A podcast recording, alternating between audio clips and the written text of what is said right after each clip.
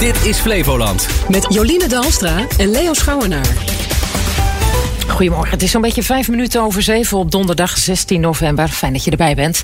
De Almeerse oud-directeur van de stichting Wens staat vandaag en morgen terecht op verdenking van ontucht met zeker twaalf minderjarige jongens. Collega Jordi Bouw, die volgt de zaak en hij vertelt er zo over.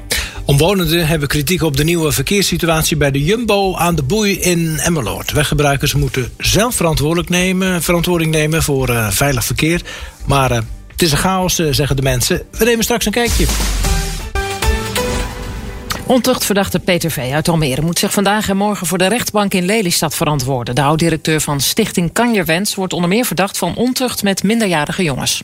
Collega Jordi Bouw volgt die zaak. Jordi, goedemorgen. Goedemorgen. Ja, dit is een zaak die houdt de gemoeder al een tijdje bezig, hè? Nou, dat kun je wel zeggen, ja. Peter V. die zit ruim anderhalf jaar vast, heb ik even opgeteld. De Almere kwam in juni 2021 bij justitie in beeld.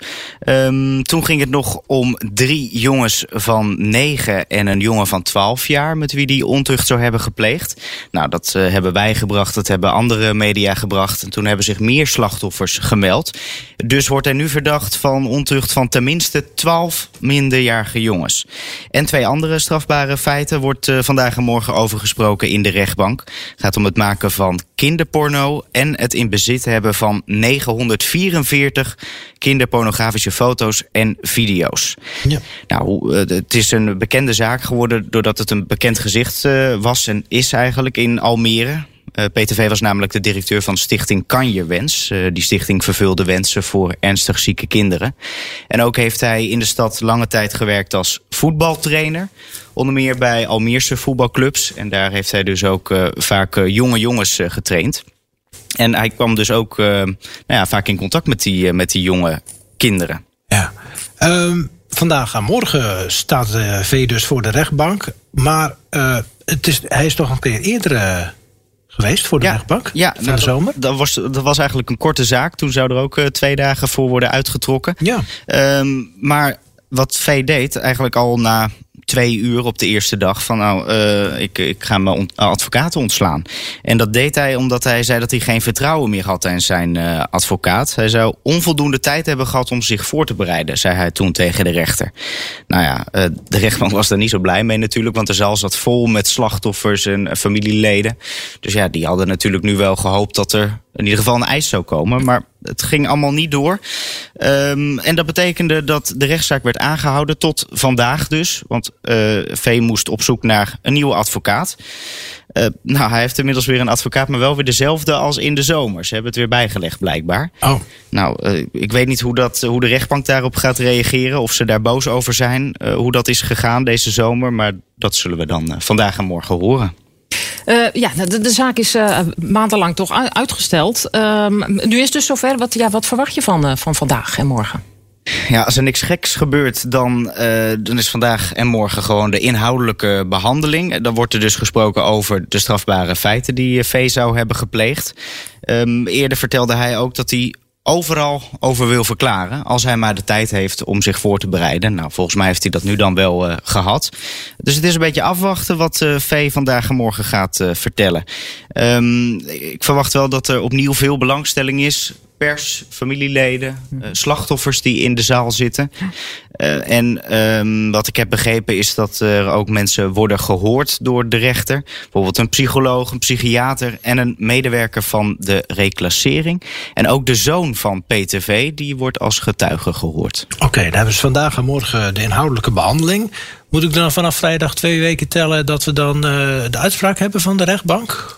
nee. Nee, oh. duurt iets langer nog. Uh, 8 december is er nog een, uh, een zitting. Dan wordt het onderzoek naar V volledig uh, afgerond. Dus dan weet de justitie nou, wat er allemaal in het, in het onderzoek staat. En dan op 22 december doet de rechtbank waarschijnlijk uitspraak in deze ontuchtzaak. Juist. Collega Jordi Bouw volgt het vandaag en morgen. En uiteraard kun je dat volgen bij ons op zender en online. Jordi, dankjewel. Omwonenden hebben veel kritiek op de nieuwe verkeerssituatie bij de Jumbo aan de Boei in Emmeloord. Voetgangers, fietsers en automobilisten moeten samen één gebied delen, zonder beleiding, zonder fietspaden en ook zonder zebrapaden. Mensen in de buurt die voelen zich niet veilig en ze zeggen het is wachten op de eerste slachtoffers. Nou, gevaarlijk. Gewoon gevaarlijk. Levensgevaarlijk. Kinderen die bijna onder de auto komen en alles. Dus dat is echt niet leuk. Alle verkeerstekens zijn weggehaald. Om zo verkeersdeelnemers te stimuleren op elkaar te letten. Dat is het idee achter de zogeheten shared space, gedeelde ruimte. In de jaren 90 bedacht door een verkeerskundige. En nu in de praktijk gebracht op de boei in Emmeloord. Het is eigenlijk een voetgangersgebied en dan is het auto's uh, zijn te gast auto's, bronfietsers, motoren, die zijn dan allemaal te gast. Die dienen dus de voetgangers de gelegenheid te geven om rustig uh, over te kunnen steken en dat soort dingen. Maar dat pakt hier slecht uit? Dat pakt hier gewoon heel slecht uit. Ook omdat er helemaal geen borden staan van dit is een, uh, een voetgangersgebied. Auto's te gast, die staan er ook al niet. Er staan geen waarschuwingsborden, niks. Het is niet heel handig misschien ingedeeld qua uh, voetgangers en, en auto's. Het is best wel een druk, druk stukje. Maar ja, ik ben met, met een kleuter altijd voorzichtig uh, met het auto stappen en auto's die achteruit rijden. Uh, het is wel heel druk, ja. Je moet een beetje opletten, maar als iedereen een beetje oplet, dan is er niks aan de hand. Iedereen moet gewoon alert zijn? Ja, natuurlijk, natuurlijk. Beetje om je heen kijken. Je hebt zelfs uh, op zaterdag filevorming op de noordzijde. Omdat het verkeer geen kant op kan. Want de paardenmarkt zit dan hartstikke vol. En de zijstraten staan allemaal hartstikke vol. Snapt u eigenlijk dat dit ooit zo bedacht is? Nee, snap ik niks van. Begrijp er echt niks van. Dit kun je toch zo niet bedenken? Ik bedoel, dat je een voetgangers en auto's bij elkaar, dat vind ik hartstikke mooi op zich. Maar geef het wel duidelijk aan. Want mensen weten niet waar ze aan toe zijn. Te weinig borden. Ja, te weinig borden en te weinig waarschuwingen van dit is een uh, voetgangersgebied waar auto's toegestaan zijn. Het CDA heeft inmiddels vragen gesteld aan het college van burgemeester en wethouders. En de verantwoordelijke wethouder heeft toegezegd dat er binnenkort toch meer verkeersborden met uitleg komen en zebrapaden. Ik weet dat ze er wat aan gaan doen, maar de tijd tot ze er wat aan gaan doen, dat duurt me eigenlijk veel te lang. En ook op de snelheid van auto's moet volgens de buurtbewoners beter worden gecontroleerd. Dat is echt bedroevend als je hier staat te kijken. Er is bijna niemand die nog 30 rijdt. En verkeersdrempels? Als ze wat uithalen, zou het prettig zijn. Ja, zeker. Ja, de gemeente gaat ervan uit dat alle verkeersdeelnemers nog even moeten wennen aan de nieuwe indeling op deze plek. Het is nog niet bekend wanneer de zebrapaden worden aangelegd. Een bijdrage was dit van de verslaggever Roger Dankelui. Waar lopen jongvolwassenen zoal tegenaan? In aanloop naar de verkiezingen van komende woensdag duiken we de komende dagen in het leven van jongeren. Want de bestaanszekerheid van deze groep staat onder druk. Zo is het onmogelijk om een woning te vinden. Dat ondervindt ook Tom van Disseldorp. Hij is 28 jaar en huurt met een huisgenoot een woning in Almere buiten. Het is gewoon moeilijk. Het, eh, de prijzen zijn hoog. Ik wil graag iets in, in Almere zelf. Uh, en dat, dat maakt het gewoon moeilijk. Um, omdat ja, je hebt of een heel klein appartement. En als je iets met een tuintje wilt of even waar je plek waar je naar buiten kan, betaal je gewoon al heel hoge prijzen. Uh, ja, en een heel groot huis hoef je alleen ook niet te hebben. En ja, dat kan ik ook helemaal niet betalen. Jan-Willem de Boer uit Urk herkent dat. Hij is 27 en woont thuis bij zijn ouders. Nou, de huizenprijzen zijn gigantisch hoog. Het aanbod is, nou ja, er is wel aanbod, maar eigenlijk als het er is, wordt er al snel overboden. Dus uh, eigenlijk is het dan te weinig aanbod. En uh, ook een hypotheek krijgen is gewoon lastig als je alleen bent. Een hypotheek die tegen, goed tegenover deze huizenprijzen staat. Harm Boer is makelaar in Emmeloord. Voor de NVM, de Nederlandse Vereniging van Makelaars, houdt hij de Flevolandse woningmarkt in de gaten. Boer ziet geregeld de problemen van de jongeren voorbij komen. Dat heeft natuurlijk twee oorzaken. Um, het eerste is dat het aanbod wat beperkt is. En het tweede is dat het ook voor hun financieel best, uh, best lastig is. En soms niet eens betaalbaar is. Zeker als jongere en je wilt starten op de markt. En er is, uh, ja, zoals op dit moment, er is een behoorlijk flink tekort. Dan moet je eigenlijk eigen, wat eigen geld hebben, anders kom je bijna niet aan de bak. Maar ja, hoe kom je aan dat eigen geld? Doordat je nu een hoge huur hebt um, kun je ook niet heel veel sparen. Dus het is een beetje het kip en het ei verhaal. Maar ja, je wilt gewoon wel graag iets op je, voor jezelf. Dus ja, daar moet je, ja, kansloos is het niet, maar je moet ook een beetje geluk hebben erin. Je hebt wel in het oude dorp heb je vaak wel woningen die uh, ja, misschien wel bij mij in de buurt zouden komen. Maar als je die dan koopt, dan weet je ook van, die moet ik wel flink gaan verbouwen. En uh, hoeveel dat dan weer gaat kosten, ja, ik denk dat dat ook flink in de kosten gaat lopen. En zie je een leuk huis? Voor je het weet is het verkocht. Nou, nu zou ik het uh, soms dat, dat je een lot in de loterij moet hebben. Uh, als je merkt dat er al vaker um, afspraken zijn gemaakt voor een open dag met anderen. Of dat jij al met 2-0 daardoor achter staat. De makelaar ziet bouwen als oplossing. Wel duurt die oplossing wel lang. Maar je ziet nu wel een kleine beweging komen. Dat er ook wat huizen al standaard in de fabriek gemaakt worden. En dat die dan op de ple ter plekke in elkaar gezet worden. Want als je gewoon traditioneel bouwt. En je wil een tussenwoning bouwen. Eigenlijk, wat eigenlijk geschikt is voor een starter. Ja, dan zit je gauw snel aan 3 ton. Of soms nog meer. En daar beneden kun je niet wat bouwen. En als we nou een iets andere bouwsystematiek toepassen. Uh, dan kunnen we daar denk ik nog wel een oplossing voor bedenken. Morgen praten we verder over bestaanszekerheid van jongeren. En dan gaat het over studie en studieschuld. En wat heb je gisteravond gemist op radio en tv? In op 1 was er aandacht voor laaggeletterden in verkiezingstijd. Nederland telt maar liefst 2,5 miljoen mensen die moeite hebben met lezen of schrijven. Ja, en dan zijn al die verkiezingsprogramma's met moeilijke woorden toch wel erg lastig. Vindt ook Melvin Grip, die ook moeite heeft met lezen. Ze hebben allemaal mooie plannen. Maar is nooit een plan, weet je wat, laten we eens een keer onze plan eventjes duidelijk, duidelijk opschrijven. Of laten we eens een keer, weet je wat, laten we iemand uitnodigen die moeite met lezen heeft. Hé, hey, hoe zou jij het uitleggen? Of zo, weet je, laten we gewoon naar de biep gaan. Niet filmen, gewoon zeggen, weet je wat, zonder camera's. Wat vinden jullie van het plan? Hoe kan het beter? Wat kunnen wij doen om het makkelijker voor jullie te maken? Ja. Uh, ja, er was bijvoorbeeld uh, kritiek op Henry Bontebal van, uh, van het CDA. Die zou soms ook moeilijke woorden gebruiken. dat begrijpt Bontebal, dat, dat weet hij van zichzelf ook wel. Hm. Maar ja, het blijft lastig om geen moeilijke woorden te gebruiken. Ik heb zelf heel veel uh, gedaan op het terrein van energie. Ja, soms zijn dingen zo complex dat je het ook niet altijd, dat mij ook niet altijd lukt om het heel begrijpelijk uit te leggen. En ik denk dat heel veel politici daar gewoon mee worstelen. Van hoe leg ik het zo goed mogelijk uit? Uh, je krijgt vaak ook maar beperkte tijd. Dus soms heb je maar drie of vier zinnen dat je het kunt doen. Dus dan zit je in je hoofd ook heel erg te malen van hoe doe ik dat zo goed mogelijk. Dus het is niet zo dat wij dat automatisch zomaar doen. Wij proberen dat wel zo goed mogelijk te doen. Ja, een PVV-leider Geert Wilders die zit tegenwoordig overal. He, vorige verkiezingen wist je hem niet naar een televisiestudio te trekken. Maar nu, hij zit overal. Ja. Vandaag in Site was gisteren aan de beurt. Ging het over de uitspraak van Pieter Omtzigt... dat hij niet wil regeren met de PVV. Wilders denkt niet dat het zo'n vaart zal lopen. Kijk, de consequentie is als hij zegt niet met de PVV, eh, dat hij de deur wagenwijd openzet naar diezelfde Frans Timmermans. En dat wil die kiezer van NSC, wil dat niet. Maar hoeveel ruggengraat heeft hij dan, die Pieter Omtzigt, denk u? Nou ja, weet je, ik, ik loop lang genoeg in de politiek rond om te weten dat uiteindelijk na de verkiezingen alles vloeibaar kan worden. Ook bij hem. Ook bij Pieter. Ook bij Pieter. En uh, BBB-leider Caroline van der Plas hoopt dat Omzicht de deur open houdt voor Wilders. Die zat niet bij VI, maar die zat hier in de Nieuwsuur. Kijk, Pieter is heel erg voor de democratie en voor de rechtsstaat. En ik vind, als je juist zo denkt, dan moet je ook met een partij praten die anderhalf miljoen kiezers achter zich heeft staan. Nou ja, dat is ook democratisch. Omtzigt nog wel van mening veranderen. Ja. Gaat u hem daarbij helpen? Nou, we gaan natuurlijk en straks met Geert in gesprek en natuurlijk ook met Pieter uh, in gesprek in die onderhandelingen. Bij Pieter gaat het erom dat Geert democratische grondrechten schendt. En als Geert dat niet meer doet, dan zou je moeten kunnen zeggen van nou, dan wil ik wel met je in gesprek. Oh ja, en dan kun je dus over rechts en dan kom je net aan de 677 zetels. Als ik het een beetje snel heb uitgerekend. Ja, Toch?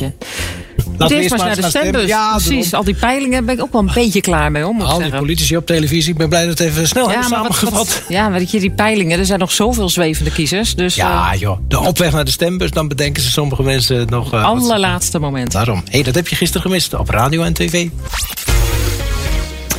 Gaan we naar sportzaken, want kickbokser Andy Semiler uit Emmeloord vecht in zijn volgende wereldtitelgevecht bij de organisatie Glory tegen Anbar Oulet Gaib.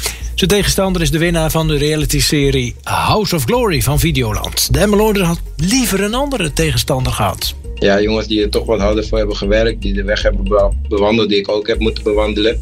En die verdienen het gewoon iets meer. Maar hij heeft ook een prestatie neergezet, dus dat moeten we niet weg, uh, wegvagen. Dus uh, is gewoon uh, weer ervoor gaan.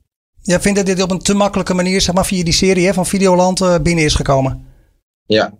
ja, ook omdat de deelnemers die meededen aan het serie Videoland ook een beetje hetzelfde niveau zijn waren. Dus het was, ja, het moest één worden die het eigenlijk nog niet verdiende. Dus daar komt het op neer. Maar wat betekent dit voor jou? Uh, appeltje, eitje en klaar met die gast?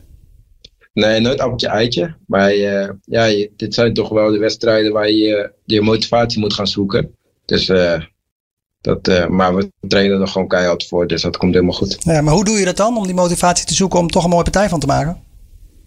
Ja, genoeg, is genoeg voor. En natuurlijk helpt Boy ook hartstikke hard daaraan mee.